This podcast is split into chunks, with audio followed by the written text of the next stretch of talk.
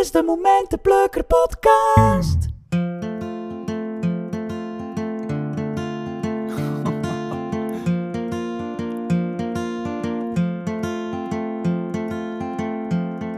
Ik zag de luizen in haar haar. Het moet fijn zijn om te leven daar, waar alles ruikt naar groen. Dag iedereen, welkom bij een nieuwe aflevering van de Momentenplukker podcast. Ik zit hier weer eh, onder mijn dak in mijn muziekstudiootje met mijn gitaar op mijn schoot. Ehm, eigenlijk de setlist aan het voorbereiden voor mijn allereerste try-out vanavond.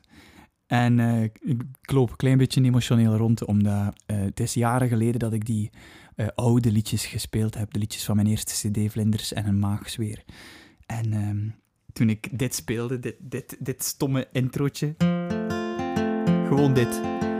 Oh man, ik werd direct teruggevoerd naar, ja, tien jaar geleden, naar het begin eigenlijk. Het begin van, van, gitaar spelen, het begin van liedjes schrijven, het begin van...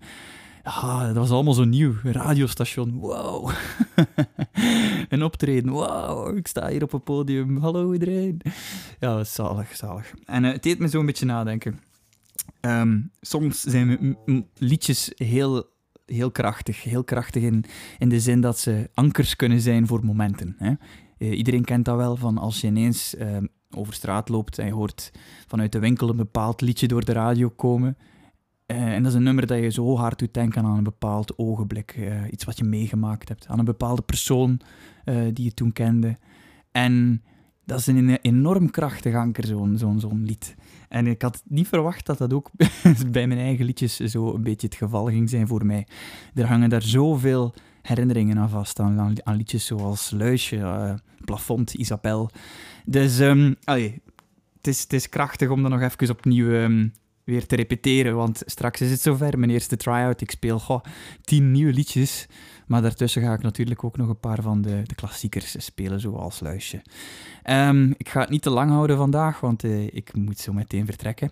Ik wens mij veel succes voor de try-out. Trouwens, als jullie mij ook graag willen boeken voor de try-out, nog gedurende de, zomer, de zomermaanden doe ik het voor een klein prijsje, zodat ik makkelijk bij iedereen langs kan gaan die geïnteresseerd is in de nieuwe liedjes. Op die manier krijg ik ook wat feedback over welke liedjes jullie echt goed vinden, wat, je, allez, wat minder werkt en zo. En dan kan ik ook beslissen wat er op de, de, de, de nieuwe plaat gaat komen. Goed, ehm, als je de podcast nog niet gedeeld hebt, doe het alsjeblieft. Ehm, nomineer drie andere momentenplukkers op social media en vraag ze deze podcast ook te beluisteren en verder te delen. Zo kunnen we groeien. Eh, bedankt voor alle reacties, ook op de vorige afleveringen. Betekent enorm veel. Je moet maar eens kijken op mijn Instagram, Arne van Haken, in mijn stories. Eh, het leeft echt, er komt veel reactie op, eh, op alle momentjes die geplukt worden. Het is duidelijk dat er hier nog momentenplukkers rondlopen. Goed, dit was het voor vandaag. Ik heb nog één vraag voor jullie. Laat het mij weten op social media, Arne van Haken.